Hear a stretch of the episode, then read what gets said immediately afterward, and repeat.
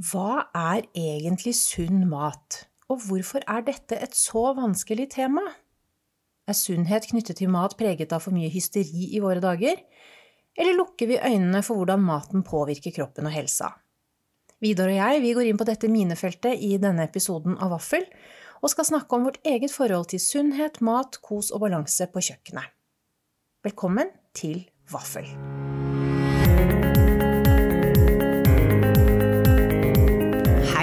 Jeg heter May-Britt, og jeg sitter her på kjøkkenet mitt i Oslo. Og jeg heter Vidar. Jeg sitter på mitt kjøkken i Istanbul. Velkommen til Vaffel, en podkast om mat.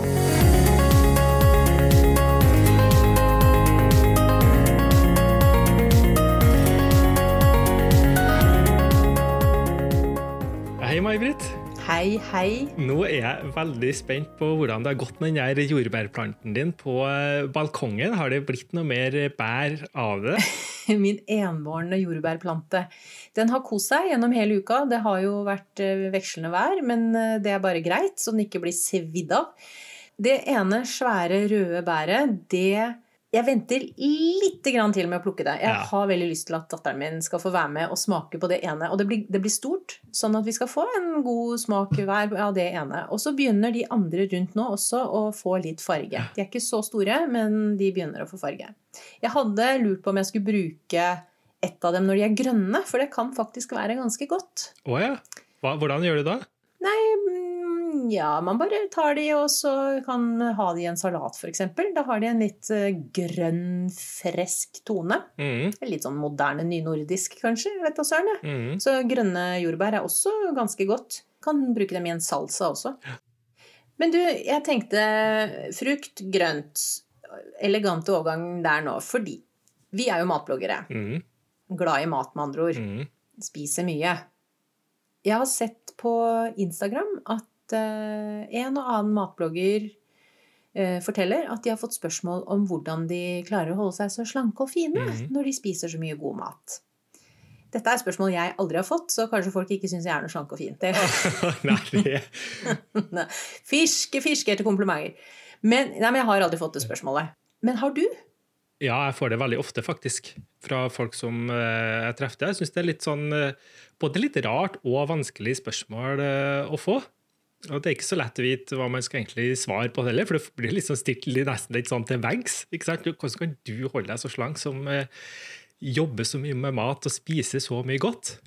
Eh, men jeg tenker det kan også ha litt sammenheng med at det er nettopp fordi jeg er opptatt av mat. Ja, blir jo, Det blir jo veldig variert, selvfølgelig, det du spiser, når du er opptatt av å lage mat og nysgjerrig. Det kommer på en måte litt eh, naturlig ut av det, men det handler også om eh, kunnskap. Jeg har jo brukt eh, tid altså både før jeg ble matblogger og matskribent og begynte med den type ting, og etterpå, da, og, og lest ganske mye om de forskjellige matvarene, om hvordan matvareindustrien fungerer, hva det er i de tingene du kjøper i butikken. ikke sant? Så for min del, altså jeg føler jeg nekter meg aldri noen ting. Altså Jeg er ute og har lyst på en is, så kjøper jeg en is og spiser den. Men eh, alt med måte, og variert, som du sier. Altså det er jo et veldig kjent eh, uttrykk som eh, jeg tror veldig veldig mange bruker. Altså eat food, Ja. not too much, Mm. mostly plants. Mm. Burde jo huske hvem som sa det, for det var en kjent person, men det, det husker jeg faktisk ikke. Men altså, Var det Michael Pollen? det stemmer. Det var det. Mm. Altså spis mat, ikke for mye. Eh, For det meste plantebasert. Ja. Så vil jeg legge til at eh, kanskje være sånn noenlunde aktiv i tillegg. Og det trenger ikke å være at du skal gå i Birken eller springe maraton. ikke sant? Det, det holder lenge å gå en eh, god aftenstur de fleste kveldene i løpet av uka. Og jeg tror for min del da, så er det en del av de lærdommene som jeg plukka opp gjennom alt jeg har lest da, gjennom mange år, det er at det man ofte legger på seg av, det er for det første sukker og tilsatt sukker. Mm.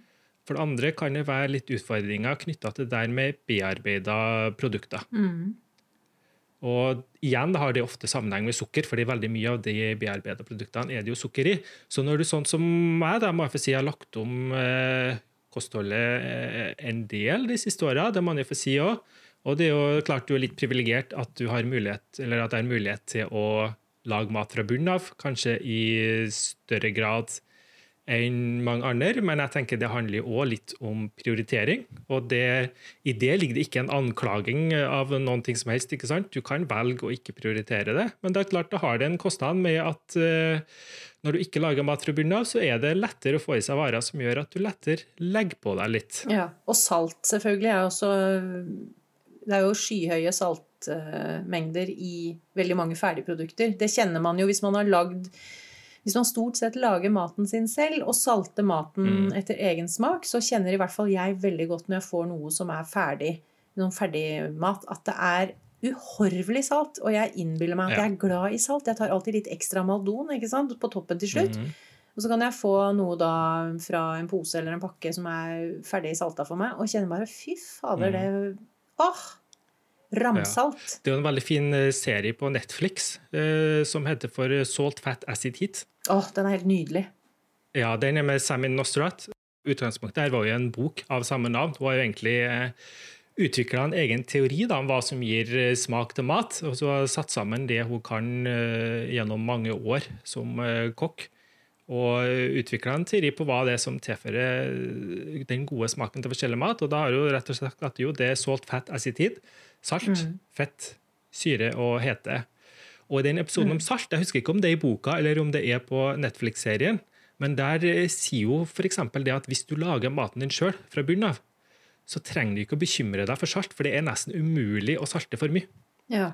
Problemet er når du begynner å ta inn en del eh, bearbeida produkter, ferdigprodukter, fordi da har man i mer salt, både fordi det skal vare lenger, ja. og fordi at når det varer lenger, så taper smaken seg over tid. Mm. Og da mm, vil de jo trenge mer salt for å få mer smak. Og I tillegg så bruker de kanskje ofte litt dårlig råvare med litt mindre smak, og trenger enda litt ekstra salt for å få litt smak på de råvarene. Mm. Så jeg tenker jo sånn er det at hvis du spiser variert, prøver å få i deg veldig godt med grønnsaker, og, og lager maten stort sett fra bunnen av sjøl, så er det faktisk nesten vanskelig å legge på seg veldig, i hvert fall så lenge du er sånn noenlunde aktiv. Igjen, trenger ikke å være noe sånn treningsmenneske, men eh, litt aktiv i tillegg. Men jeg må få si at det blir litt sånn eh, når jeg får det spørsmålet om eh, hvorfor jeg er så tynn. Altså at, at jeg skal være så veldig tynn, det er klart jeg er en slank bygning, det har jeg nok. Men hvis du ser på de anbefalte sant? Det er jo en, altså det er ikke en perfekt måte å måle kroppsvekt på, men det er en av de mest brukte måtene å måle på hvor eh, stor man er, da, om man er normalvektig eller ikke. Mm. Og der eh, havner jeg jo ganske nøyaktig midt på normalvektig. Bare ja. bitte, bitte litt under midten, kanskje, men mye nærmere midten enn holdt på å si undervektig.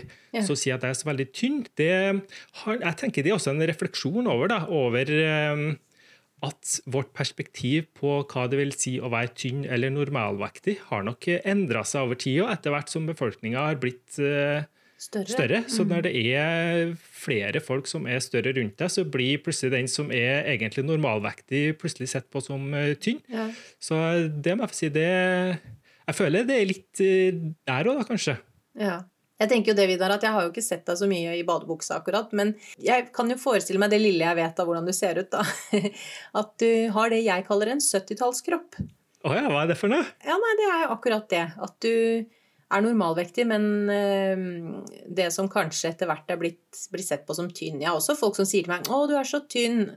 Da tenker jeg jeg er jo på ingen måter tynn. Er du gæren? Jeg, jeg er normalvektig.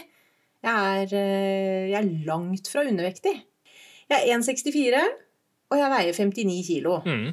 Det er ikke tynn. Det er helt vanlig. Helt normalt. Men så handler jo også sunnhet, da. Det er jo det vi skal snakke om. ikke sant? Ja. Sunnhet handler jo om noe annet enn vekt og kropp. Absolutt. Det handler jo om du har energi, om du er riktig ernært, om du får i deg det du skal av mineraler og, og vitaminer. Og også det om du har veldig mye stress i livet ditt. Mm. For jeg syns jo at stress påvirker måten du spiser på, helt enormt. Det har det gjort for meg, og det vet jeg at det gjør for andre. For det første så produserer jo kroppen eh, kortisol når du blir stressa, og kortisolet legger seg gjerne rundt midjen, som jo også er der man helst ikke skal legge på seg mest. Mm. Og jeg kjenner jo jeg vet selv at når jeg har hatt veldig stressende perioder eh, i livet, så spiser jeg mer usunt. Jeg får lyst på junkfood, jeg får lyst på potetgull, som er mine sigaretter, som jeg kaller det. Og Mm. magen blir liksom en sånn derre Jeg får sånn badering, da. Får, jeg blir sånn tønnekvinne, kaller jeg det. Da blir jeg for Jeg har de beina jeg har, de er som de er. De er ganske fine og slanke. Også, men alt legger seg rundt på livet. Mm. Og det vet jo alle som har lest bloggen min, og det satt langt inne for meg å fortelle om at jeg i fjor gikk på en Grete Rode-kur fordi jeg hadde levd et par år med ekstremt mye stress Mm. og hadde vært dommer i kakekrigen, hvor Mm. jeg smakte på 250 kaker bestående av smør og sukker på bare noen uker. Og jeg lagde Kosekokeboka, som jo er en sånn kosemat- og helgekokebok. Hvor vi satt igjen med utrolig mye rester som også skulle spises opp, ikke sant. For jeg kan jo tenke meg det òg, at eh, når du har gått og smakt på de der kakene, og du har laga den boka, så er det ikke bare det at du har fått i deg de smakebitene på de 250 kakene, og du har laga de rettene til kosekokeboka, men du har også satt på en måte kroppen din i en stilling der den forventer å fortsette å få den type mat, for den har blitt så vant til det, og den både skriker Ja. etter mer sukker og smør og fett og det som du kanskje ikke skal ha, da, særlig hvis du er stressa i tillegg. Jeg kjenner jo igjen veldig godt det der du sier med, med stress, at det påvirker veldig hva du har lyst på. Trøtt og sliten og emosjonelt stress og mm. Nei, så jeg tenker det, det er jo ikke bare med at du har den perioden, men det, det handler med hva du venner kroppen til òg. Og når du har vent den til den type mat, så må du nok inn i en uh, avvenningsprosess. Men, eh, men hvordan var det med, med Råde? Altså, hva var det viktigste du plukka opp derfra?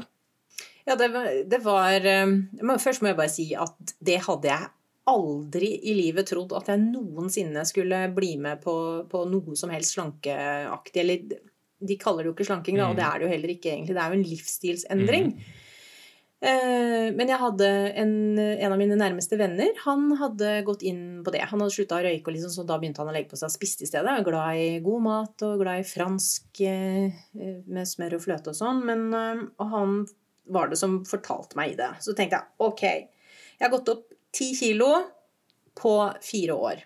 Jeg har det ikke noe, det er ikke noe ålreit. Blodsukkeret mitt er opp og ned som en jojo. Og jeg målte midjen, midjen min, og den hadde tatt første skritt inn i sånn der oransje felt, ikke sant? Som var sånn Hei, du! Nå skal du passe på litt, fordi nå begynner du å få en midje som er på vei inn i det som etter hvert kan bli helsefarlig. Mm. Og så vet jeg jo selvfølgelig at det blir vanskeligere å endre, endre dårlige vaner jo lenger man har dem. Så da tenkte jeg bare nå får du faen meg bare ta deg sammen, liksom. Ok, du hadde ikke trodd dette, men bare gjør det. Og det var nesten litt sånn skambelagt at jeg skulle gjøre det, fordi jeg elsker mat og jobber med mat og er jo en sånn derre Kom igjen, dere. Vi er rause. Vi bjuda på. Det skal ikke være noe skam. Men det handlet ikke om skam. Det handlet heller ikke om hvordan jeg, hvordan jeg ser ut. Selv om jeg hadde en som hadde fortalt meg at jeg var lubben og hadde hengepupper og burde ta meg en ekstra titt i speilet, så var det ikke det det handlet om. Det handlet om at jeg hadde, var ekstremt lav på energi. Blodsukkeret og humøret gikk opp og ned i takt. Så meldte meg på Grete Rode eh, på nettkurs og fikk en helt fantastisk eh, veileder som het Karoline. Som da bare guida meg gjennom eh, var det åtte uker jeg gikk da. Og vi satte et mål. Jeg skulle ned på det som, var min, som er min trivselsvekt. da. Mm. For det her var nettbasert, ikke sant? Ja, det var, jeg tok nettbasert. Så jeg snakket jo med henne på mail uh, ukentlig, og hun preppa meg og peppa meg. Hun var helt magisk. Heia meg gjennom det. Så begynte jeg å trene mer regelmessig og, og endret. Og det som kanskje var mest lærerikt, var jo å se den variasjonen jeg egentlig manglet i kostholdet mitt. da, Selv om jeg syns jeg spiste Mm. variert, for det, gjør- det gjør man jo. Og det var det at jeg måtte bare pøse på med enda mer frukt og grønnsaker. Og kunne se da Man fører jo Man, man fyller jo ut en sånn øh, øh, måltidsdagbok hver eneste dag. Ja. Så jeg veide og førte inn akkurat hva jeg spiste. Og så får du sånne grafer som viser deg da Hei, du. Du mangler protein i det du har spist i dag. Du, Mm. du trenger litt mer Her eh, savnes det. Eller kalsium. Som er viktig for kvinner i min alder. Jeg er 46. Eh, jeg bør definitivt eh, passe på at jeg får i meg nok kalsium etter hvert. ikke sant? Mm. Og, og fettet var med. Du skal ha fett, men du skal ikke ha eh, mer enn nødvendig. Og, og så var det det med frukt og grønt. Så jeg kunne se hele ernæringsfordelingen min i løpet av en dag. Mm. Og det lærte jeg helt enormt mye av. Og I starten syns jeg det var noe ordentlig pes å drive og veie og få et bedre for... Altså et, et eh, mer sånn snusfornuftig forhold til mengde mat, da. Mm. Ikke sant? Hvor mye spagetti skal jeg spise for min kropp? Hva trenger jeg, og hva er overflødig overspising? Ja, og hva, hva er svaret på det? Altså, hva, hva gjorde du før, og hva gjør du etter? Det er jo individuelt, selvfølgelig. Og så handler det jo om skal du ned i vekt, eller skal du bare holde vekten. Ja. Og jeg skulle jo ned i vekt. Jeg skulle få bort alt det der overflødige som satt rundt livet. Og da måtte jeg jo ha et kaloriunderskudd. Mm. Ikke sant? Du kan ikke gå ned i vekt uten å ha et kaloriunderskudd, og øke også um, på hvor mye du forbrenner. Så i starten så spiste jeg jo mindre pasta enn jeg gjør nå, for eksempel. Da, igjen, for nå er jeg jo kommet ned der hvor jeg skal være. Så nå spiser jeg. Men jeg, jeg kommer aldri til å spise to porsjoner igjen, bare fordi det var så innmari godt. Det kan jeg kanskje gjøre av og til, men jeg gjør det ikke hver dag. Det er noe med det. Det er noe med den der begrensningen. Å skjønne at ja, men dette det er en sånn neve med spinat Eller ikke spinat, det kan du spise så mye du vil. Men um, ikke tre brødskiver med, med majones og salami til frokost, men kanskje én brødskive med majones og, og, og egg. Og i tillegg en skål med yoghurt og granola og frukt og bær. Ikke sant? Bare sånne ting. Det med pasta tenker jeg er et veldig godt eksempel, for det er jo noe jeg kjenner på sjøl òg. At det var en periode at du kunne spise veldig mye pasta, altså store porsjoner. Mm. Amerikanske porsjoner. Ja, ikke sant? Altså, jeg blitt, eh, ble litt mer bevisst på det òg. Og det er jo ikke verre enn at du bare lager en raus salat ved siden av, og faktisk så er det Du blir mer enn godt nok mett. Fordi jeg tror det, det som er litt lurt med pasta, at du kan ofte overspise litt. Altså at du eh, Kroppen blir mett eh, Eller øynene blir mett lenge etter kroppen egentlig har fått nok. Og så er det dritgodt, ikke sant? Så hvis du er litt mer påpasselig på det, så, så trenger du faktisk mye mindre enn eh, i alle fall jeg trodde, da, en lang vending. Men som sagt, altså, det handler jo ikke bare om fett å gå ned i vekt. Det er ikke bare det, men også det at du får i deg nok av det du skal i løpet av en dag. Nøtter, grønne Absolutt. grønnsaker, frukt, eh, proteiner, om det nå er i form av kikerter eller kyllingbryst. Eh, kalsium, Mm. om det er gjennom brokkoli, da må du spise veldig mye brokkoli. da. Eller om det er gjennom kesam eller skummamelk eller helmelk. ikke sant? At du, at du skjønner at kroppen trenger mer enn bare ja, høyst sannsynlig mer enn det du allerede får i deg. Så, så det gikk jo En ting var det med vekten, men jeg fikk jo bare et energioverskudd som jeg ikke hadde kjent på hvor lenge som helst. Og venninnene mine Ja, som ikke ja. hadde sett meg på, på to-tre uker fordi de hadde jobba mye, da, de møtte meg og sa hva det har skjedd et eller annet. Har du har du, det, og det var huden. Og det var ikke fordi at jeg ble brun. liksom. Nei, men det, det er et eller annet har du, Er det ny krem? Er det et eller annet? Høres ut som en sånn skikkelig dårlig reklame. Men eh, jeg fikk en ny glød, og jeg fikk eh, energioverskudd. Og jeg lærte eh, porsjonsberegning på en mye bedre måte, og også det å passe på den variasjonen. Plutselig så har det gått en måned, og så har du ikke spist det du skulle, men du har hatt en stressende periode, så i stedet så har du liksom spist eh, en pølse i brød annenhver dag på vei hjem fra jobb, og tatt eh, takeaway på kvelden Mm. med, med ris, hvit ris, ikke sant? Um, mange bekker små, da. Det er det. Så nå Ja. Eh, er jeg jo dommer i Masterchef og står og spiser hver dag, men det er jo langt mer variert. Og, um, men jeg passer allikevel på at jeg får i meg sånn frukt og bær til frokost, og at jeg får i meg grønnsaker, nok grønnsaker til til Ja. middag. Bare sånne helt enkle ting. Jeg tror sånn generelt sett så eh, vi, vi trenger ganske mye grønnsaker, altså mye mer grønnsaker enn hva mange av oss skulle tro, altså. Så jeg må bare gå litt tilbake til det du snakka om, eh, det du har lært på Rode-kurset, om eh, de forskjellige råvarene. ikke sant? Både med tanke på da hva slags kalorier, hvor mye kalorier det er i mat, og hvor mye du skal ha i det. Men også at det er forskjell på dem. ikke sant? At det er, En kalori er ikke en kalori. Og det er andre ting du også skal få i deg. Jeg må jeg gikk jo gjennom en sånn eh, tilsvarende prosess sjøl for en del år siden. Det var ikke rodekurs, jeg gjorde det mer på egen hånd, egentlig. Det var jo òg relatert til stress, som du snakka om tidligere. Og en periode i livet der det var litt mye og utfordrende, både på hjemmebane og på jobb. Og en av de måtene jeg takla det på, som jeg på en måte lærte er å kanalisere det ut i litt trening. Kom deg ut i friluft, få noen endorfiner inn i hodet. Mm. Det gjør det lettere å takle stress i hverdagen. Og jeg er ikke noe sånn supersportsmenneske. Drevet med idrett hele livet, egentlig, da, men aldri på noe sånn særlig nivå. Null talent egentlig på alle fronter, men eh, deltakende, sånn, eh, må man si da. Og, men da fikk jeg en periode der jeg faktisk trente ganske mye. Og eh, både da jogging, som jeg har vært glad i hele livet, og eh, så begynte jeg med litt eh, styrketrening, for det er ganske litt sånn spedbygd, og hadde litt lyst til å prøve den sida av uh, trening òg, da. Og når du la de to tingene sammen, og det egentlig ble hovedfokuset mitt utenom jobb, jobba jo lange dager da jeg var i London, så ble det ganske mye. Og da kom det òg interesse for hva jeg har i meg. Og se hvordan det òg spiller inn i det bildet. da, Delvis pusha selvfølgelig av eh, han som hjalp meg med styrketreninga. Som jo var mye mer opphengt opp, i å, bygge muskler sånn enn ikke jeg var. Jeg var jo mm. mer opptatt av det funksjonelle, egentlig. Litt sånn uvanlig, kanskje, for en som går på sånn styrketrening. Men, eh, men, da ble jeg i alle fall mer interessert i det der med kalorier, proteiner, karbohydrater. ikke sant? For Han snakka om det, og du må spise masse karbohydrater når du skal øke muskelmassen. Også når du, liksom, eh, strandsesongen begynner å nærme seg, så må du kutte ut karbohydratene, for da skal du ha fettet bort fra kroppen. Mm.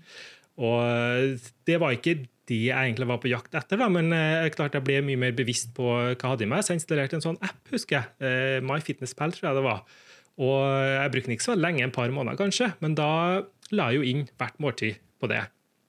Og fikk mm. en sånn rapport om eh, hvor mye kalorier jeg hadde fått i ja. meg, eh, om det var proteiner, karbohydrater, fett, altså hva slags type felt.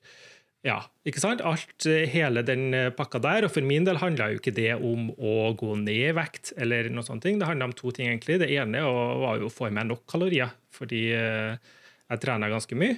Og det andre var jo å bli kjent med da, hva jeg egentlig hadde i meg, om jeg fikk i meg det jeg trengte.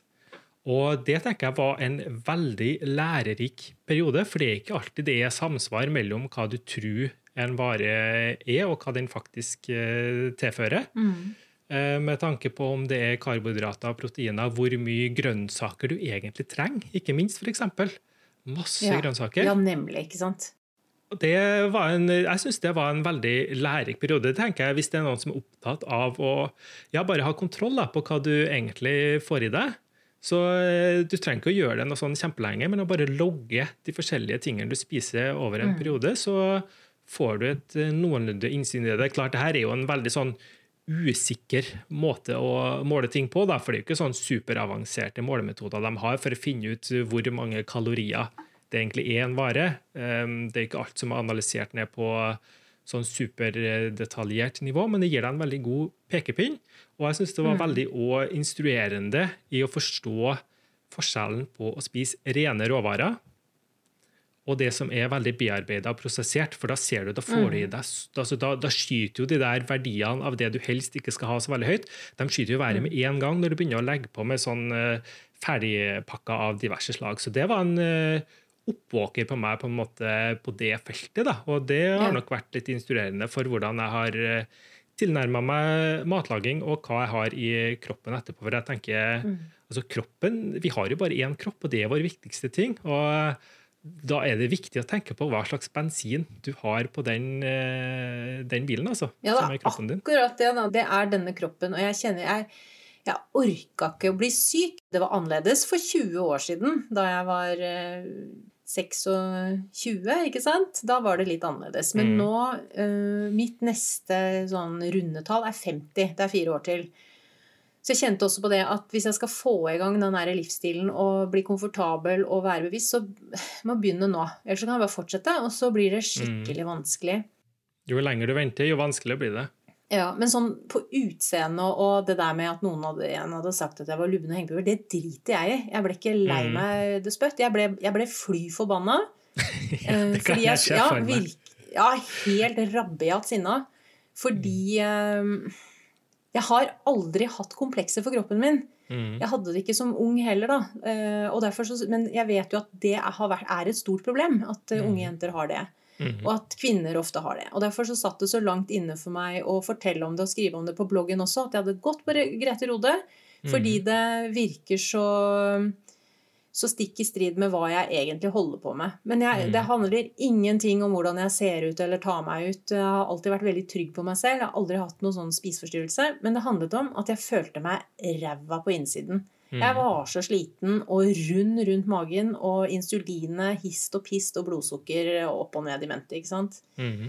Um, og den derre eh, Altså de dagbøkene jeg har skrevet i Grete Rode-systemet, med måltider og sånn, den, den av og til, når jeg kjenner at det har vært en periode med mye surr, Mhm. eh, så tar jeg frem den, og så bare kikker jeg litt. Bare tar en fot i bakken, og så ser jeg åssen var det det var igjen.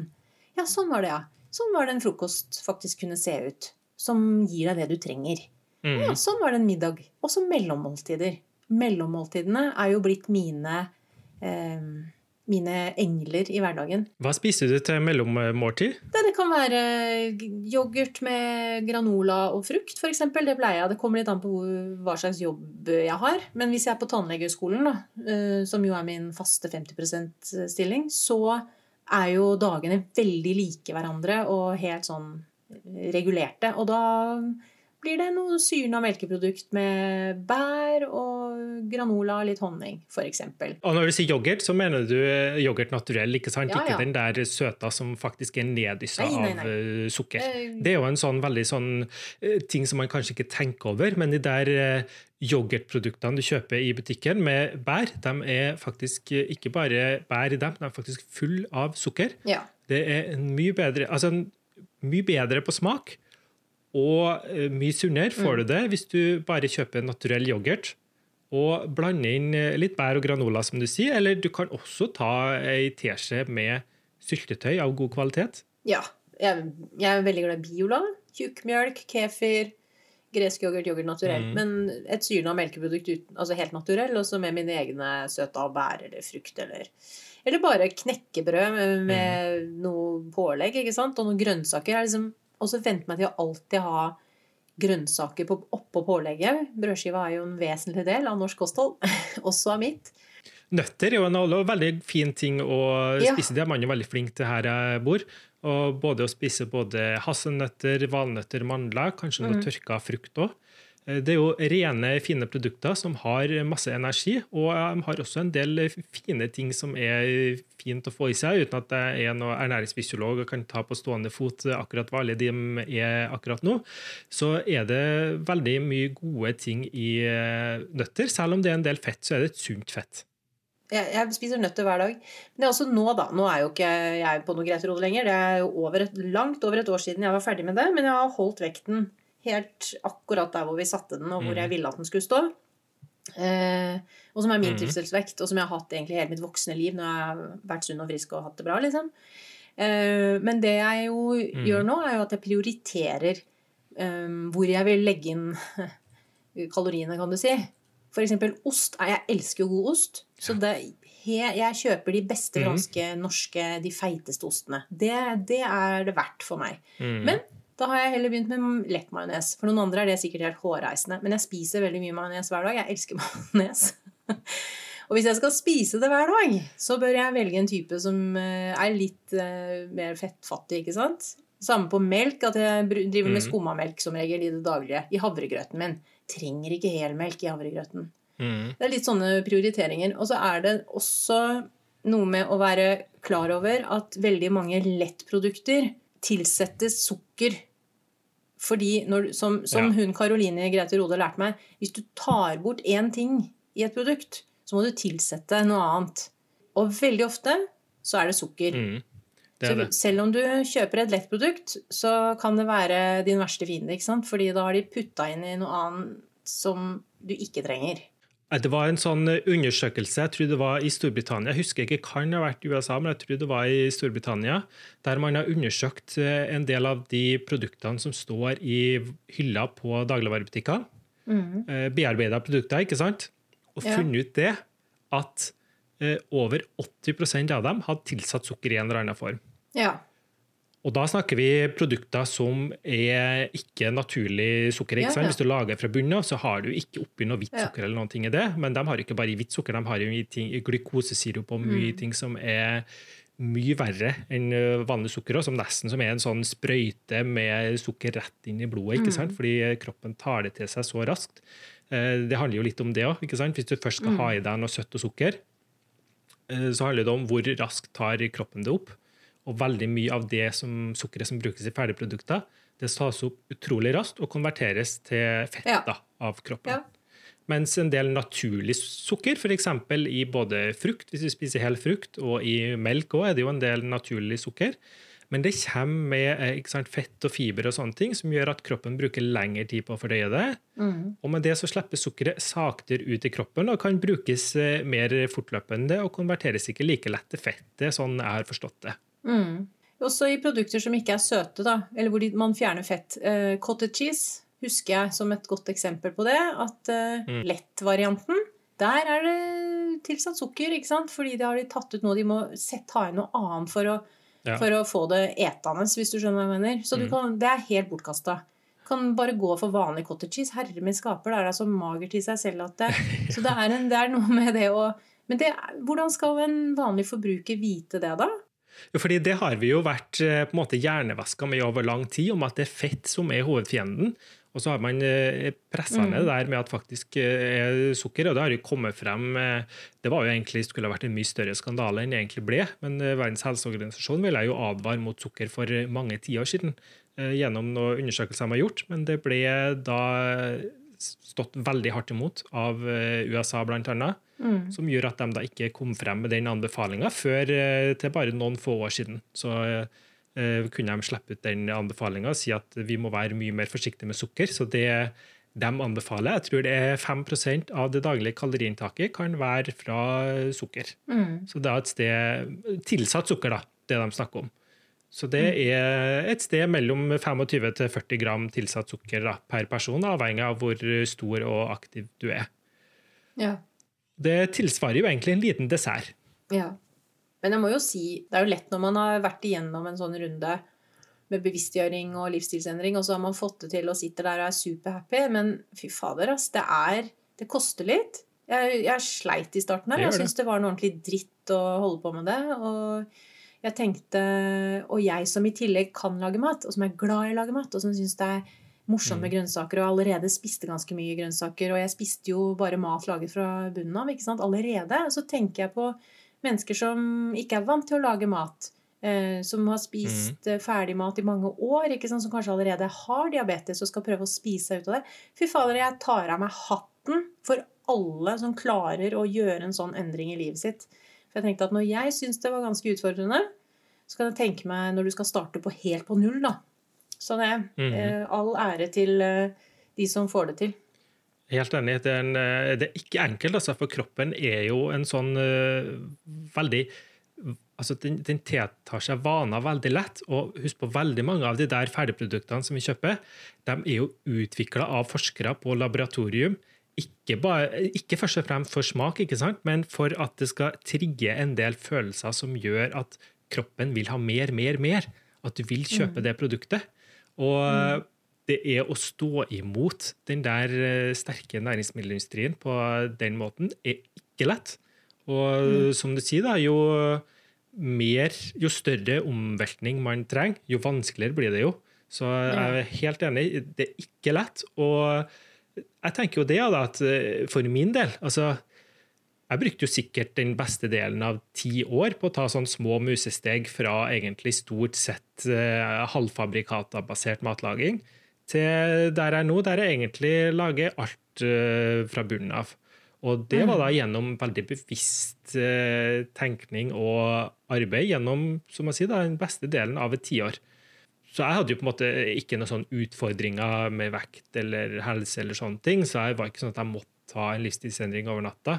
Så jeg må få si det, og tar av meg hatten for dem som klarer å gjøre det på mye kortere tid enn det. Og så er det kanskje greit å tenke på at eh, litt er bedre enn ingenting. Ja. Og hvis du tar litt hver dag, ikke sant? hvis du forbedrer deg med 1 eller 2% hver uke, i løpet av et år eller to så legger det seg veldig fort sammen, og det blir ganske store Ja. endringer. Og det tror jeg kanskje er endringer som står seg bedre over tid òg, da. Sånn helt Ja, selvfølgelig. Ja, jeg brukte to måneder på å komme tilbake der vi hadde vært. Både mentalt og, og fysisk. Mm. og har blitt der. Og det jeg, hadde, jeg, kan ikke gjøre, jeg kan ikke gjøre sånn på to uker eller gå på noe jævla pulverkur. Det er jo, gal, det er jo galskap, ikke sant? Mhm. Eh, men dette er endringer for livet. Det er jo det folk, det jo det folk eh, gjerne trenger. Men det er jo ofte også de som tar tid. Men man må jo være, prøve å være tålmodig med seg selv. Mm. Og så en annen ting er jo eh, porsjonsberegning. Hvor mye Mm. mat skal vi ha på tallerkenen? Mm. Uh, og jeg husker da jeg begynte å fly i SAS uh, for hva er det da, 20 år siden. Og fløy, begynte å fly på New York og USA. Jeg hadde vært der før, men da var jeg der ofte. Og de Mm. gigantiske porsjonene, og hvordan jeg eh, alltid bestilt en såkalt entree, altså en, en forrett i hermetegn, fordi Mm. det var jo i norske øyne en, eh, en nesten en full middagsrett for to personer. Ja. En hovedrett. Um, og det er også noe jeg syns man kan begynne å tenke på. Hvor mange Hvor mye mat trenger en stakkar, da? Jeg har et godt tips der. Det er en ting som jeg pleier å gjøre. Det er jo, eh, hvis du har en litt sånn mer heftig del av måltidet, da. Eh, eksempel hvis det er Mm. pasta, eller altså, du har noen kjøttstykker eller eh, noe sånt, ikke sant? som kan være eh, litt heftig å dra opp både kaloriinnholdet og trekke ting, metta fett og sånn over det du egentlig bør ha. Lag Mm. en nøyaktig én porsjon av det, men så lager du en veldig stor og raus bolle med salat. Altså, vi snakka om de bugnende salatfatene i forrige uke. Ja. Så kan du heller, hvis folk fremdeles er sultne, så kan de spise mer av det som kroppen gjerne kan få mye mer av. da. I stedet for at uh, du lesser på med enda et stykke kjøtt, f.eks. En annen ting som jeg opplever er, gjør at f.eks. Du, du snackser mindre. Jeg har aldri vært jeg er heldig der. da. Jeg hadde en oppvekst der det ikke har vært så veldig mye snacksing og spising av søte ting og potetgull og brus og sånne ting. Eh, Så det har jeg på en måte tatt med meg videre. Men en ting som jeg føler hjelper veldig, det er f.eks. når det kommer til sjokolade. Ikke kjøp Ja. en sånn her svær pakke eller en svær plate med relativt billig, men likevel god sjokolade. Jeg må få si det, Norsk billig sjokolade er faktisk veldig god i forhold til veldig mye av det du får i eh, utlandet. Og, men hvis du i stedet for den eh, 300 grams-plata med melkesjokolade, ikke sant, kjøp en liten uh, sak med ekstra god kvalitetssjokolade. Sånn 100-gramsplate, f.eks. fra om det er Lint eller om det er et annet merke. Eh, Gjerne med noe godt i det òg. Men da, ikke sant, da er det ofte nok da, med én sånn firkant, eller kanskje to maks. Så er du på en måte fornøyd. Fordi det er noe Jeg vet ikke hva det er, eller, men det som er av bedre kvalitet Du snakka om ost tidligere òg. Det er litt det samme der. ikke sant? Du trenger ikke de store mengdene når det er så mye smak og det er så godt. Så det er en, det er en fin måte å på en måte unne seg sjøl noe godt uten at det blir for mye av det. Det er å, å gå et hakk opp i kvalitet. Jeg er helt enig. Jeg tror jo det også handler om emosjoner og stress. At uh, når du ikke er til stede i deg sjæl og sitter der med den eh, 200 grams posen potetgull, som Mm. jeg da har som mine sigaretter, eller den gigantiske sjokol- sjokoladeplaten, så Mm. merker du ikke at du spiser opp hele. ikke sant? Fordi du har et stressnivå som gjør at du bare er helt fjern. Det er ikke særlig mindful eating, da. Nei. Men det, det er jo litt den franske metoden du skisserer der, med å alltid unne seg en liten søt dessert, en makron til kaffen eller en Ja. liten dessert etter et, et eh, Mm. ok måltid. Mm. Så det, jeg er så for det. Man skal kose seg, men det er jo noe med mengdene og hvor Mm. ofte. Det er ganske tydelig forskjell på helg og hverdag hjemme hos meg. Mm. Litt kjedelig kanskje, syns noen, men eh, jeg elsker det. Jeg elsker at det er forskjell på dagene. Nei, så jeg tenker bare å oppsummere litt. Altså det, jeg tror Fra mitt perspektiv, det å spise uh, sunt, det handler egentlig mest om et perspektiv der jeg bruker så rene råvarer som bare mulig. Lager det jeg kan fra bunnen av, og prøver å ha god balanse i måltidet. ikke sant? Sånn at det er masse grønnsaker. Jeg bruker f.eks. olivenolje og sånne ting. Det bruker jeg jo raust med. Mm. Men eh, så lenge du har rene råvarer og noenlunde balanse variert, så er du ganske langt kommet. Du trenger ikke å gjøre det så komplisert. Ja. Hva var det du sa innledningsvis? Spis Spis mat, ikke for mye. For det meste planter. Ja. Og noe søtt i kaffen. Ja, det er lov. Det er lov. Det, Hvis man er på det. jeg spiser noe søtt nesten hver dag, ja. Det må jeg si. Ja. Mm. Også Ja, til det er ikke på meg. Men en liten snack, det vil jeg gjerne ha. Tusen takk for en fin samtale i dag, Vidar. Det, var, eh, det er jo et minefelt å gå inn i. Men jeg, vi, jeg tror vi klarte det uten at det gikk av for mange eksplosjoner underveis. Det er jo sårt, ikke sant? Det er personlig for mange. Mat er sårt og personlig. Ja, og så handler det om å være ærlig både med seg sjøl og eh, dem rundt seg. Mm. Av og til trenger vi at eh, noen knapper blir trykt på som vi ikke har så veldig lyst til å bli trykt på, og det tror jeg gjelder oss alle. Ja. Ikke gjøre oss selv eller andre en bjørnetjeneste. Men snakkes vi om en uke, da? Det gjør vi. Så får du kose deg. Og så håper jeg jordbæra er kommet til fruition, som de sier på engelsk, at den blir god. Ja, det håper jeg også. Nå er jeg full av forventning. Ja, ha det godt. Ha det, ha det.